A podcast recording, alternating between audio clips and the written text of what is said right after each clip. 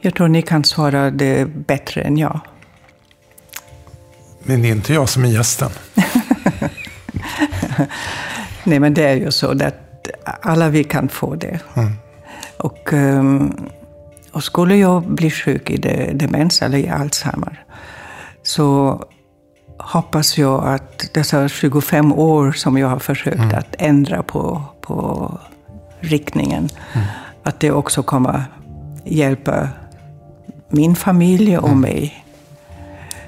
För att, eh, ja, för att få det lite bättre. I över 25 år har drottning Silvia arbetat för att väcka opinion kring Alzheimer och demenssjukdomar. Nu har drottningen bjudit in mig till slottet för sin första poddintervju. Det blir ett personligt samtal som handlar om hennes mamma Alice demenssjukdom och vad drottningen själv tänker om vad som händer om hon skulle drabbas av Alzheimer. Och så pratar vi om pandemin. Drottningen berättar om den sorg hon känt när hon sett alla som dött i pandemin och som bara blivit en siffra i statistiken. Och att gamla människor tvingas vara ensamma med sin ångest. I podden berättar drottningen om sin tid i karantän. Om att inte få träffa barn och barnbarn. Och att hon aldrig känt sig så mycket 70 plus som under det senaste halvåret. Jag heter Henrik Fränkel och jag fick påsken 2019 diagnosen lindrig minnesstörning. Och jag vill med den här poddserien göra en upptäcktsfärd in i vår tids kanske mest ökända och stigmatiserade sjukdom. Jag ska träffa människor som kan hjälpa mig att förstå den sjukdom som drabbar 20 000 svenskar varje år, som har funnits i över 100 år och som ingen överlever.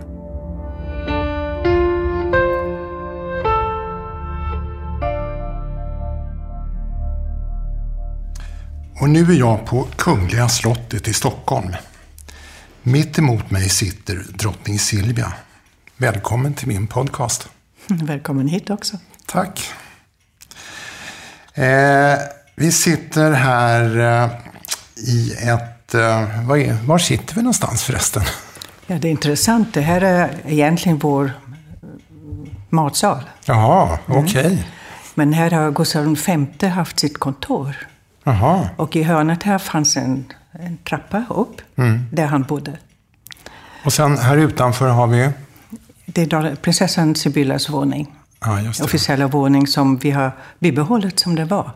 Och det var där drottningen och kungen förlovade sig. Här i den gröna soffan, ja. I gröna soffan. Klicksoffan. Klick sa det. Och så är det fortfarande. Och så är det fortfarande. Härligt. Eh, vi sitter på behörigt coronaavstånd. Alla resor och statsbesök är ju inställda. Hur har drottningen upplevt den här coronatiden för sin egen del? Ja, det, det är klart som alla naturligtvis också har haft den där känslan av rädslan. Man visste inte vad det är. Man visste inte mycket om det där viruset. Man visste inte hur länge det skulle vara. Och, ehm, men också ett stort ansvar, personligt ansvar mot familjen och barnen, barnbarn i mitt fall också. Men, ehm, men också hur beter man sig, vad gör man, hur hanterar man det? Ja, Och eh, det är klart, nu tillhör både kungen och jag till de 70-plussare. och jag också. Jaså?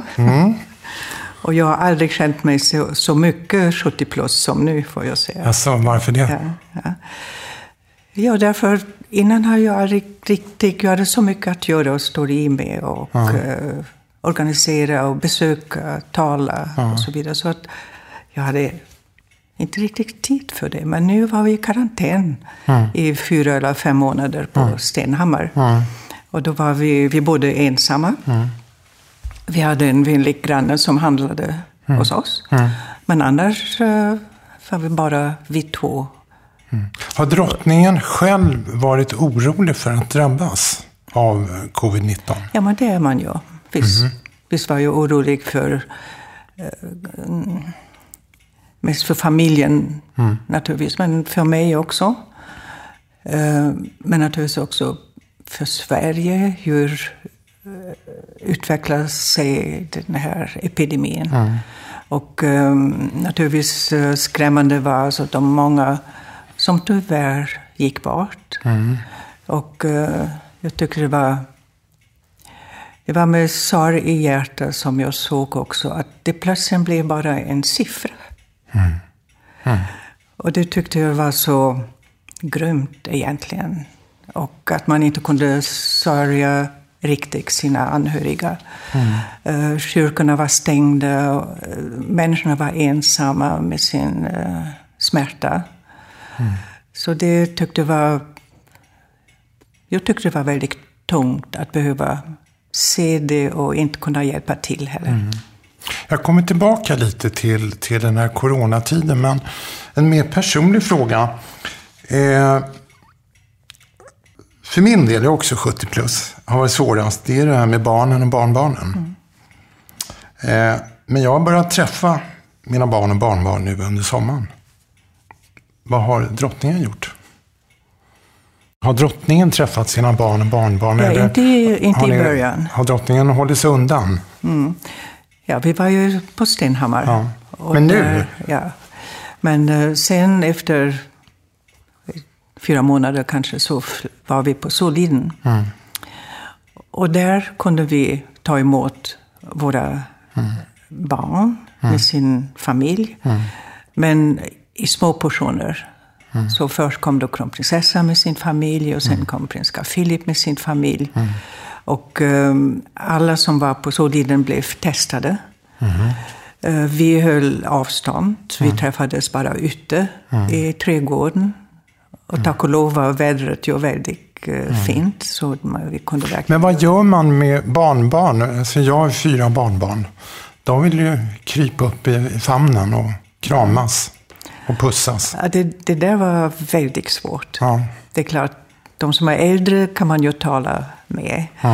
Och eh, vi har ju skämsamt då hälsat på att man bara tar sina egna armar kring sig själv. Och så. Eh, ja. Det är annorlunda med de små barn. Det, det är svårare. Det är jättesvårt. Ja.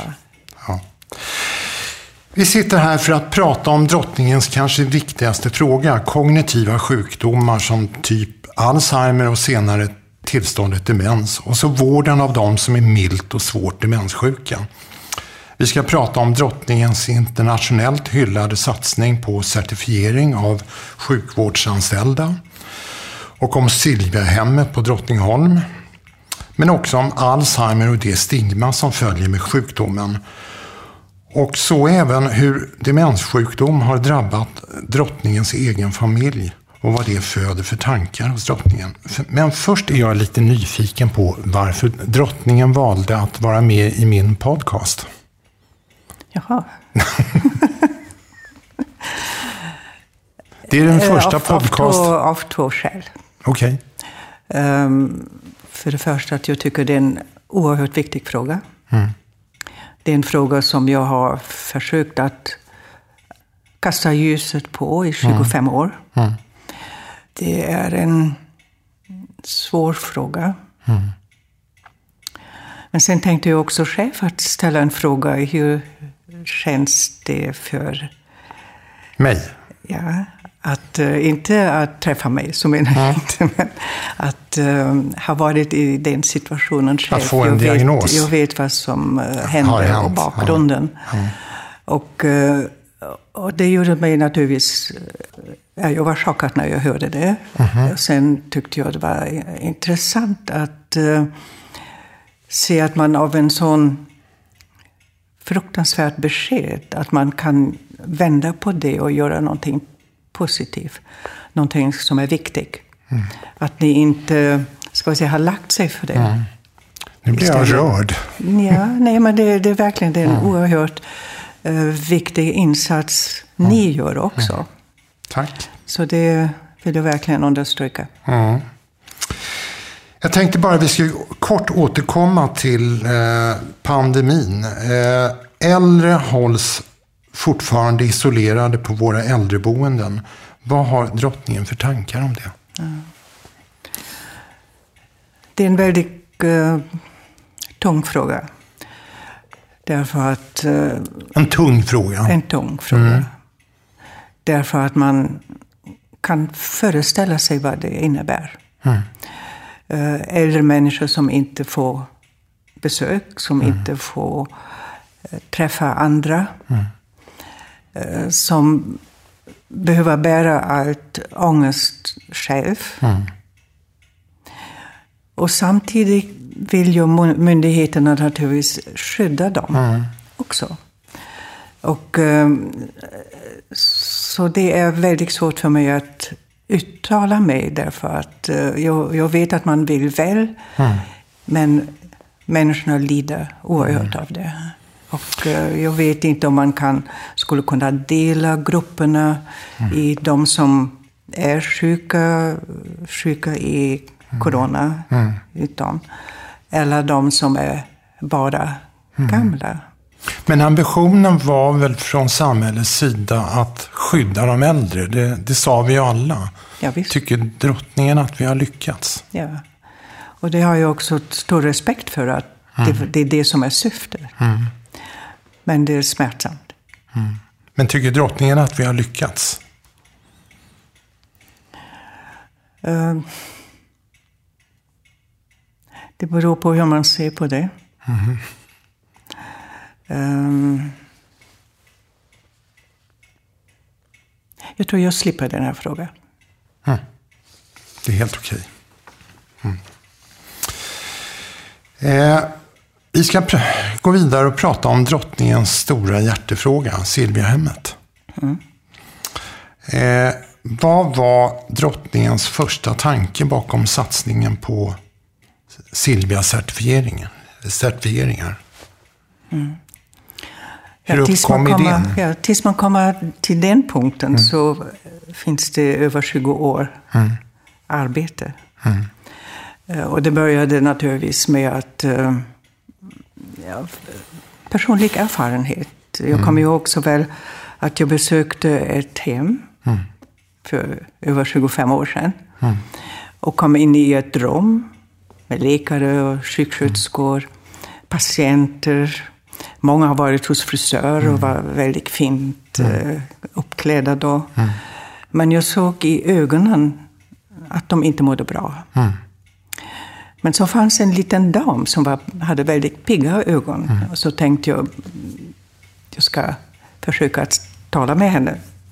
Så då gick jag fram till henne och frågade om jag fick sätta mig bredvid henne. Mm. Och då gjorde hon lite plats och sa, ja, kom sätt dig här. Och, eh, och det var på Söder. Mm. Och så frågade jag henne om hon bodde i närheten. Mm. mm. Ja, det gjorde hon. Och du då? och då märkte jag att det var någonting som var lite svårt. Och eh, vad skulle jag svara då? Och då sa jag, jag bor inte längre här på Söder, men eh, jag arbetar på Söder. Mm. Gör du det? sa hon. Mm. Var då någonstans? Och jag märkte att läkarna de började att skratta. Mm. Och då sa jag, jag jag arbetar på slottet. Ah, gör du det? sa hon. Träffar du kronprinsen ibland? ja, sa jag. Det, det händer. Oh, hälsa honom, han har så vackra lockar. så det var första gången som jag förstod att mm. det är någonting som inte stämmer. Mm. Så efter det är så, det är klart det finns olika besök som jag har gjort också. Mm. Jag kom till ett hem och då fanns en gammal farbror som satt vid, vid en vävstol. Mm. Och hade gjort ett väldigt vackert uh, duk. Mm. Och det sa jag till honom. Mm. Vad fint det var. Och mm. Så vackra färger. Så tittade han upp till mig och sa, tycker du det? Mm sa ja, det, det tycker jag är ärligt. Det tycker jag. Mm. Då sa han, jag hatar det. Jaha. Sa jag, varför det? Jo, sa hon, jag har fem barn. Jag har uppfostrat dem. De är läkare och jurister och här sitter jag nu vid en vävstol. Mm. Mm. Och då förstod jag att det är klart man vill försöka sysselsätta patienterna, mm. de som bor där. Men då måste man kanske också förstå vad de vill. Mm. Passar det att sitta på en vävstol eller göra potatistryck eller mm. någonting sånt? Det, och allt sånt kom ihop till önskan att förbättra mm. Livet, förbättra kanske också hemmet med idéer. Mm. Och sen uh, flyttade min, eller min mamma kom på besök, så var det. Hon var på besök här hos oss på mm. sommaren. Mm. Och um, min far hade gått bort. Och um, då märkte jag att det var också någonting som hade hänt med henne. Och jag förstod inte riktigt vad det var. Mm. Och uh, min far hade skyddat henne. Mm. Så vi har aldrig märkt riktigt mm. att det hade pågått någonting. Mm. Så jag märkte då att hon inte kunde organisera, hon kunde inte packa packa sin väska. Hon kunde var, det inte... det, var det de första symptomen? Ja, det var de första symptomen. Vad tänkte drottningen då när, när drottningen såg det? Det var de första frågetecken jag, ja. jag, jag, fick. Så jag tänkte jag måste få svar. Ja. Och då, det finns ju en underbar person som heter professor Barbro Bäckfries. Mm. Och uh, jag hade träffat henne, så jag ringde henne och frågade mm. vad mm. det är. Och då sa hon, får jag komma? Mm. Så hon kom och talade med min mamma. Och så sa hon sen, senare till mig att hon skulle gärna vilja undersöka henne mm. mera. Och tyvärr sa hon då att min mor hade demens, led mm. av demens. Vad, vad, vad tänkte drottningen då? När drottningen fick höra det? Ja, men demens, vad var det då på den tiden för 25-27 år sedan? Drottningen visste ingenting? Nej, jag hörde talas om det. Mm. Men man trodde ju på den tiden att vara glömsk var någonting naturligt. Att mm. man bara glömmer när man är äldre. Mm. Uh, inte visste jag då att det är ett sjukdom. Mm. Och det var det som jag då lärde mig genom professor Barbro Bäckfries. Mm. Får jag bara backa tillbaka till det här, det här. Drottningen sa att uh, era föräldrar inte hade berättat det här. Uh, vad tänker drottningen om det idag? Att man hemlighåller ja. en sån här sjukdom? Jag tänkte då, det skulle ha kunnat hjälpt mig också att förstå det hela. Och uh, hantera situationen på ett annat sätt. Att få reda på det? Att få reda på det. Um, då kunde jag ha hjälpt min mor till exempel på ett helt annat sätt. Uh, jag har säkert gjort många fel därför att jag inte visste vad det var. Mm. Jag skulle ta hand om 17 tabletter per dag. Mm. Och ehm, jag har haft kemi. Och då tänkte jag plötsligt, det här kan inte vara bra. Med så mycket medicin? Med så många, så mycket medicin av olika, olika mm. sorter också. Mm. Och det visade naturligtvis att min mamma hade ont i magen eller ont i huvudet eller det var mm. någonting annat. Och så fick hon olika medicin. Mm. Men det fanns ingen som höll i dem. Nej. Och med det hade hon 17. Mm. Men kunde drottningen prata med sin mamma om det här? Om, om sjukdomen?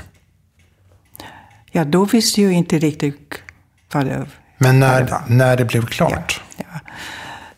Nej, det har jag inte gjort. Inte? Nej, det har jag inte gjort. Jag omgav henne med mina, min omtanke, med mina, ja, mitt försök att hjälpa henne. Men um, jag omgav henne med säkerhet, med kärlek. Um, men jag har inte talat öppet om hennes sjukdom. Jag ville inte oroa henne. Uh, hon var ju ensam, hon skulle tillbaka till Heidelberg. Mm. Och Så då gjorde jag inte det. Vad tänker drottningen om det idag? Med den kunskap drottningen har idag?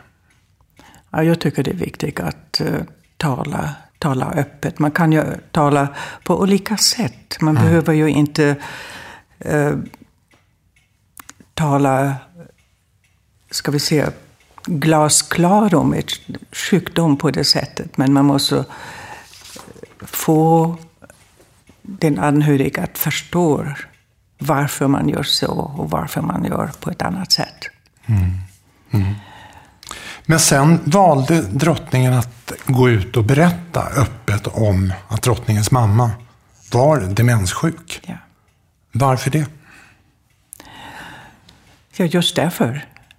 Att jag tyckte det var viktigt att, um, att tala om den här sjukdomen. Att det var ett sjukdom. På mm. den tiden visste man inte riktigt. Eller man, mm. Jag tror också uh, utbildning på universitet, det var inte många timmar man talade om demens. Mm. Och när jag talade med mm. professor Bäckfries mm. om det, uh, min, min mor hon stannade då, då hos oss på Drottningholm. Mm. Och, um, och då var hon dagligen med oss, med familjen, med våra barn och också med, med, mm. med kungen. Och um, det var inte lätt att tala med barnen om det heller. Mm. Varför um, sa min mor till exempel till dem, du har inte hälsat på mig, fast mm. de hade gjort det. Hon sa det fem gånger till kungen, som mycket vänligt kom fem gånger och hälsade på henne. Mm. Det fanns situationer som vi inte förstod. Till exempel att hon blev rädd, oerhört rädd plötsligt.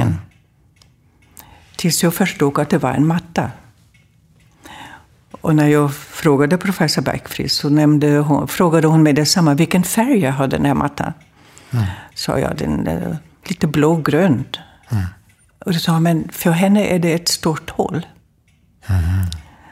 Så jag, vad ska jag göra då? Ja, kan du byta färg? Mm. Och då tog jag en röd-orange matta. Mm. Och då gick det alldeles utmärkt. Mm. Men drottningen rekommenderar då familjer att prata öppet om det. Men det har ju ett pris också. Mm. Det finns ett stigma. Eh, många som går ut och berättar om att de har Alzheimer, de blir omyndigförklarade mm. eh, av samhället mm. och av omgivningen, av kanske vänner. Mm. Vad tänker ja. drottningen om det? Jag besökte en gång ett ålderdomshem i Australien. Mm. Och det var mycket intressant. Det var, det var inte så stort. Det var kanske 50-60 personer bara. Mm. Men när jag kom in så satt en grupp gamla människor med en psykolog. Och hon gick och talade med en efter den andra mm. i lugn och ro. Mm. Och hjälpte dem att kunna tala om sina känslor. Mm. Att de förstod att det hände någonting. Mm. De visste inte vad det var. Mm. De visste inte hur de skulle säga till sina barn. Mm. Och den här psykologen hjälpte dem att titta ut. För det. Och då kommer jag ihåg, det var en, en gammal man som sa också, jag är jurist. Mm. Hela mitt liv har jag varit jurist. Min son är jurist. Mm. Det enda han inte ger mig, det är tid att kunna förklara vad det är, vad jag känner. Mm. Att jag märker att jag glömmer, att jag märker att mm. det är något fel. Och han vill också omyndigt förklara mig.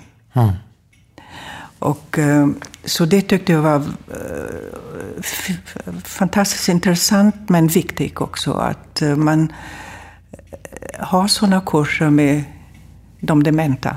Mm. Men varför är det då ett stigma runt just Alzheimer. Eh, att få cancer eller andra allvarliga sjukdomar har blivit normaliserat på något sätt. Mm, mm, mm. Men just Alzheimer, det, det, man är brännmärkt på något sätt. Mm. Kanske inte bara Alzheimer, det kanske är demens... Ja, eh, demenssjukdomar. Generellt, Ja. ja. ja. kanske det har, jag vet inte, det kanske man skulle fråga en expert. Men jag kan tänka mig att en vanlig människa tänker då det är något fel i hjärnan. Eller hur? Blir man galen? Blir man, vad är det för någonting? Och så. Man blir idiotförklarad. Ja, jag, till exempel. Ja. Och den där ångest tror jag gör att man inte vill berätta, man vill inte gå ut med det. Och det är därför det är så viktigt att vi, alla andra, talar om det. En sak som, min diagnos ändrades ju efter ett år sedan, eh, efter ett år, men, men min första diagnos var trolig Alzheimer och det som jag tyckte var absolut svårast, och det tog mig fyra veckor att samla mig för det, det var att berätta för mina barn. Vad har drottningen för råd? En psykolog som hjälper. Som stödjer, som finns med. Så att man lär sig att kunna berätta det. Därför att jag... Jag var ju deras pappa. Och jag, jag, jag vill ju inte att de ska ha, ha någon annan bild av mig än den de hade alldeles innan jag berättade. Är det svåra Och frågor? den, ja, och den förtvivlan också. Vi, vi har ju många eh, Alzheimer-patienter och de blir tyvärr yngre och yngre på Sevia-hemmet. Och de är också föräldrar till några ungdomar. Ja. Och, ehm, så jag har talat med en, en ung man som sa också det. Nu är, han var så tacksam att han kunde tala med personalen i Sevia-hemmet om sin far.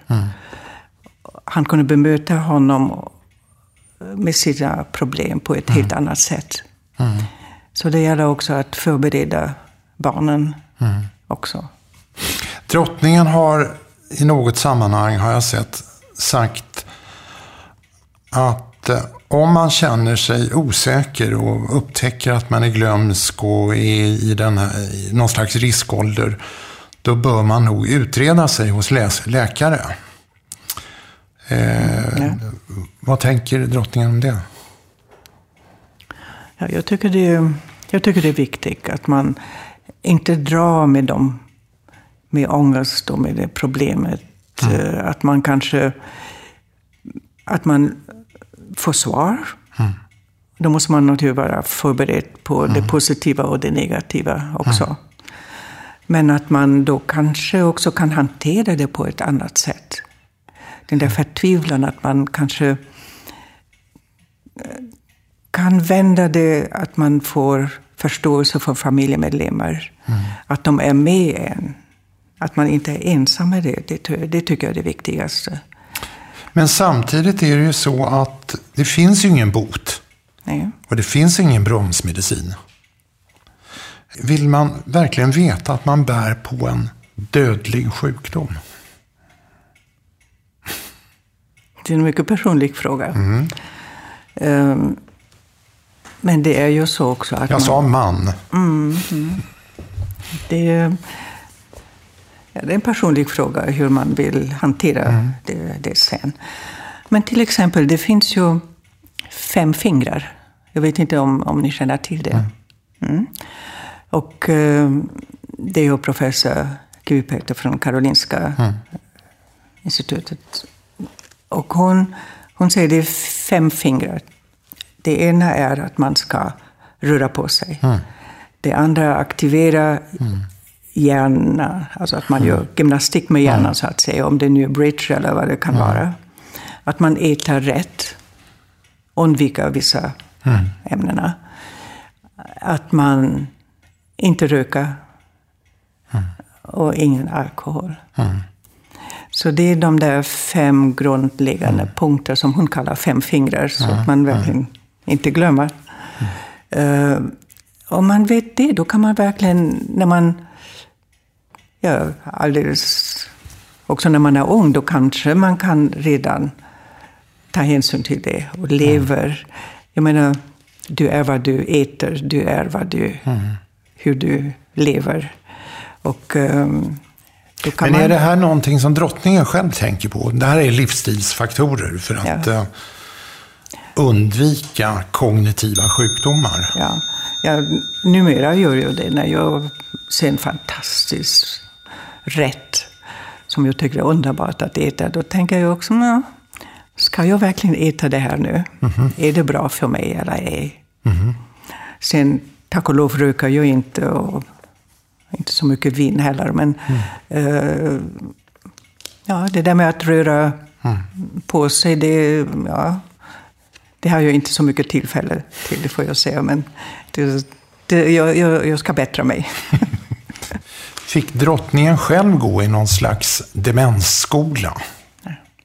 Nej. Nej. Det var bara Barbro som stödde mig och svarade och mm. hjälpte mig.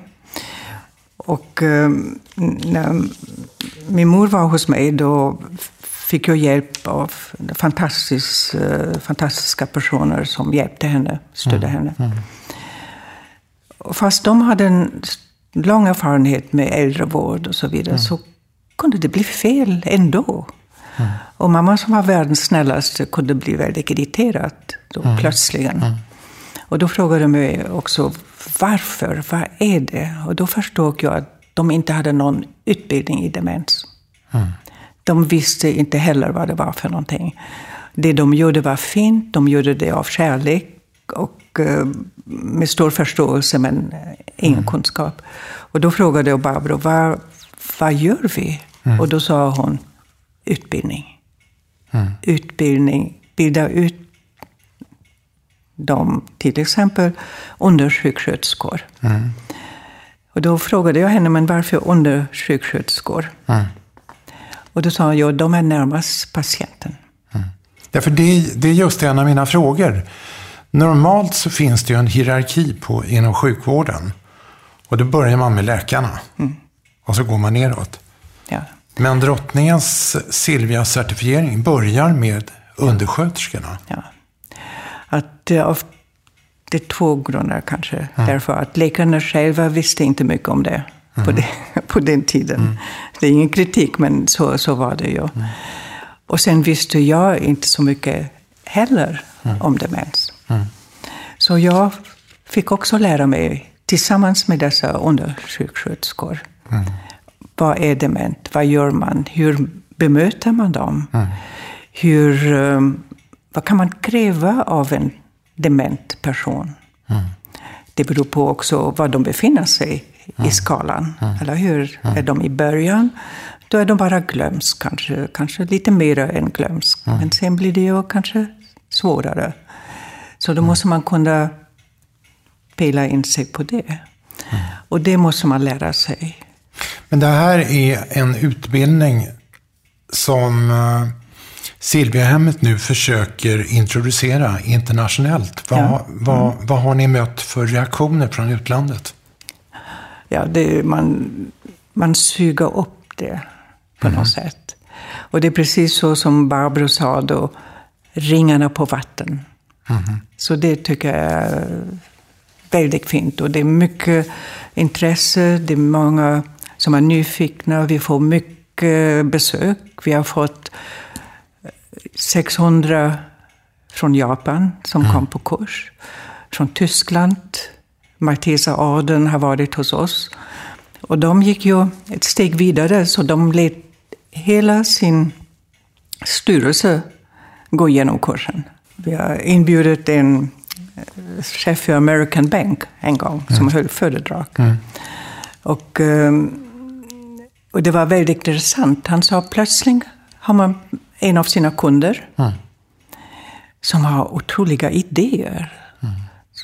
Mm. Vill uh, inte bara ändra sitt testamente, det händer mm. kanske ofta, mm. men som vill göra affärer på mm. enorma affärer som mm. man som bankman bara får kalla fötter och tänka, Gud, hur ska det gå? Men vad ska man göra?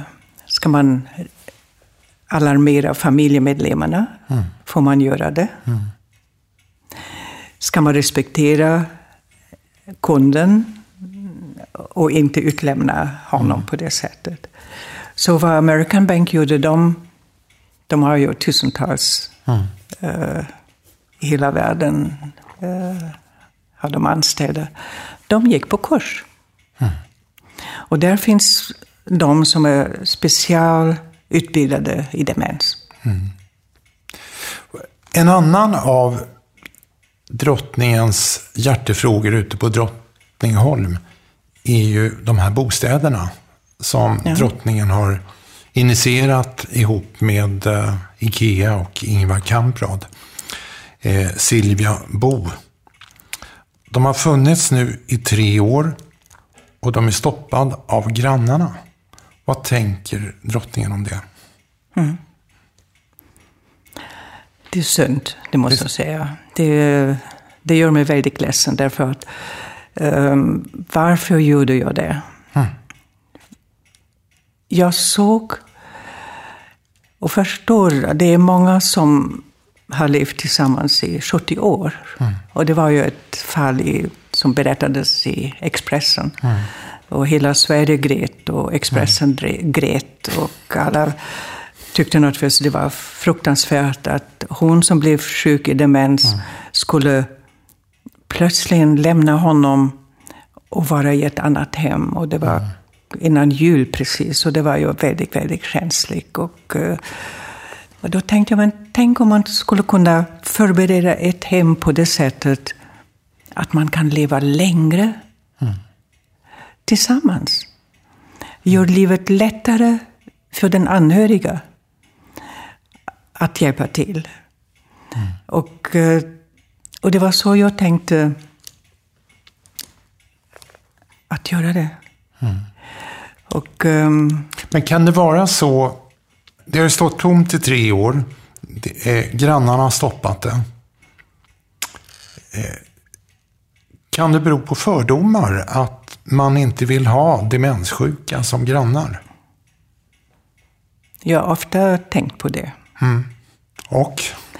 Jag vågar inte fråga därför jag, jag är rädd att det är så. Mm. Och det tycker jag är väldigt smärtsamt. Jag tycker det är väldigt uh, grymt egentligen. Alltså att här finns, det är sex lägenheter. Vi har byggt det på ett sätt för att ett par kan leva längre tillsammans och få stöd. Mm. Också med Silvia, mm. hemmet som är alldeles intill, som den ena kunde gå på dagterapi. Mm. Den andra skulle kunna gå till sin arbetsplats. Mm.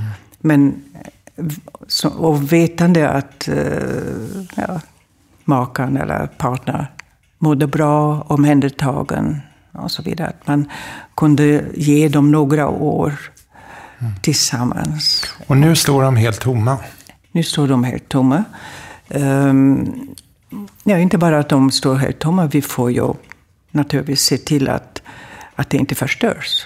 Mm. Och det är värmen och det är allt allting. Och vi byggde på ett sätt så att det inte skulle bli så dyrt heller. Mm. Så det var ett mycket välmenat projekt som jag gjorde med och, ja, och kungen stödde mig i, det som jag gjorde verkligen av full hjärta. Men har vi inte kommit längre i vårt samhälle än att eh, demenssjuka ska finnas på ett hem men inte i närheten av oss? Ja, det är det vi måste ändra. Mm. Det är det vi måste arbeta på. Men tror drottningen att det är så? Finns den känslan? Ja, om man tänker på det här nu så, kan, så är det så tyvärr. Mm. Får jag vara lite personlig? Förlåt? Får jag vara lite personlig nu? Ja, men det är vi hela tiden. Vad bra. Eh, drottningen är ju själv i riskåldern för att utveckla en demenssjukdom. Eh, och den risken ökar ju kraftigt om man som drottningen har en demenssjukdom i familjen. Så är det ju. Eh, är drottningen orolig? Mm. Alltså för det första tror jag att vi alla kan utveckla den här sjukdomen. Mm.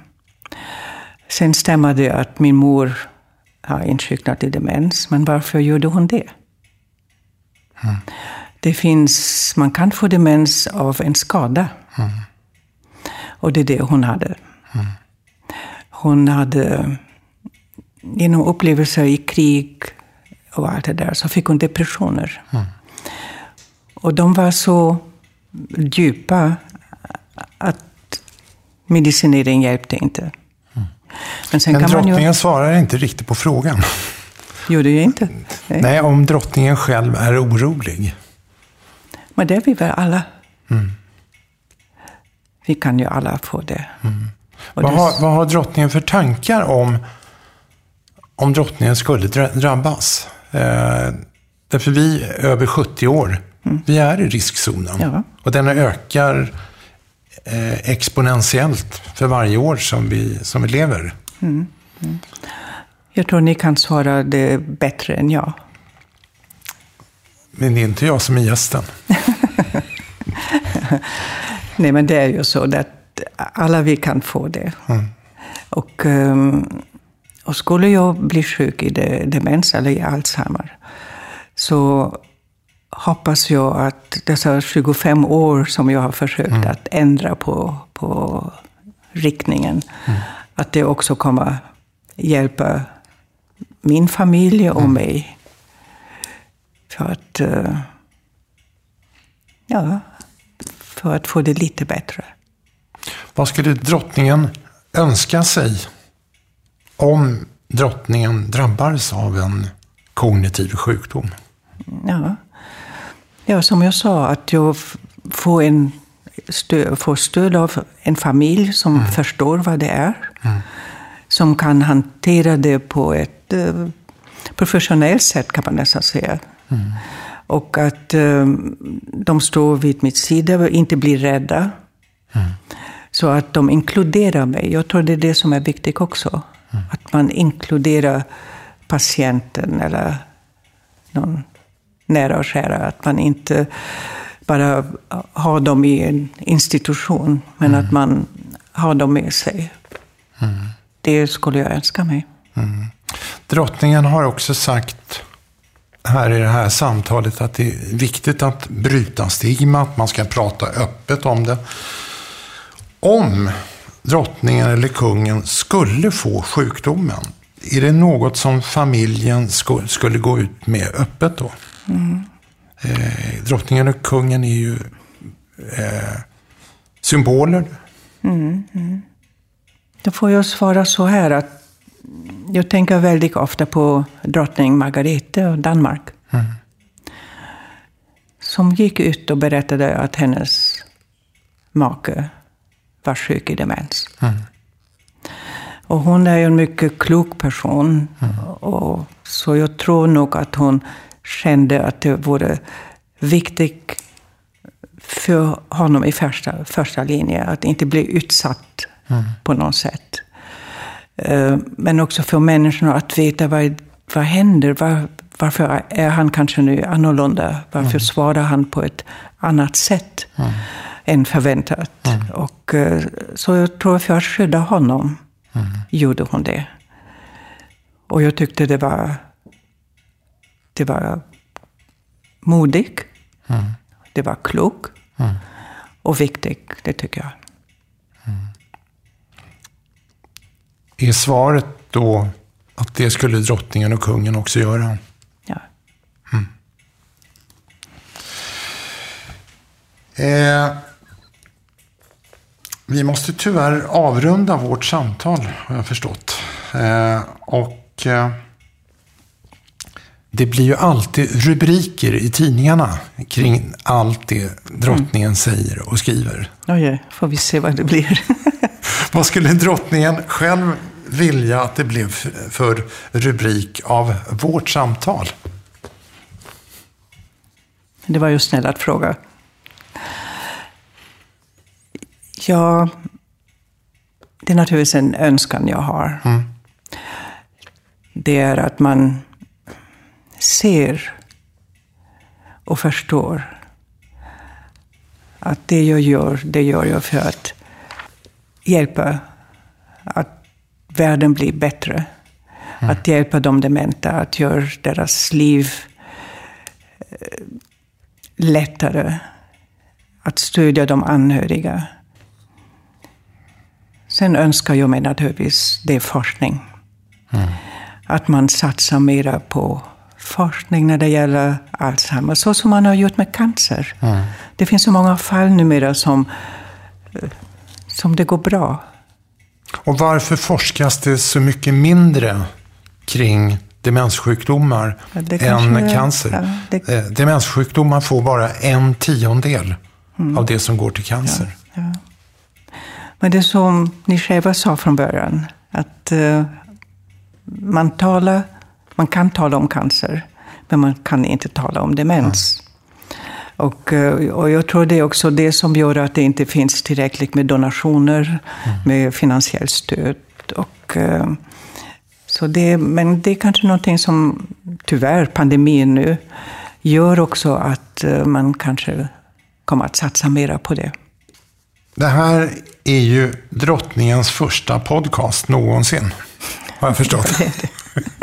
det var mycket intressant. Hur var det? Ja, lätt. Lätt? Ja, det var personligt, det var direkt. Ja. Man, det är ett samtal. Ja. Utan reklam. Härligt. Nej, jag, jag, tycker det, det, det är ett bra sätt, det är ett fint...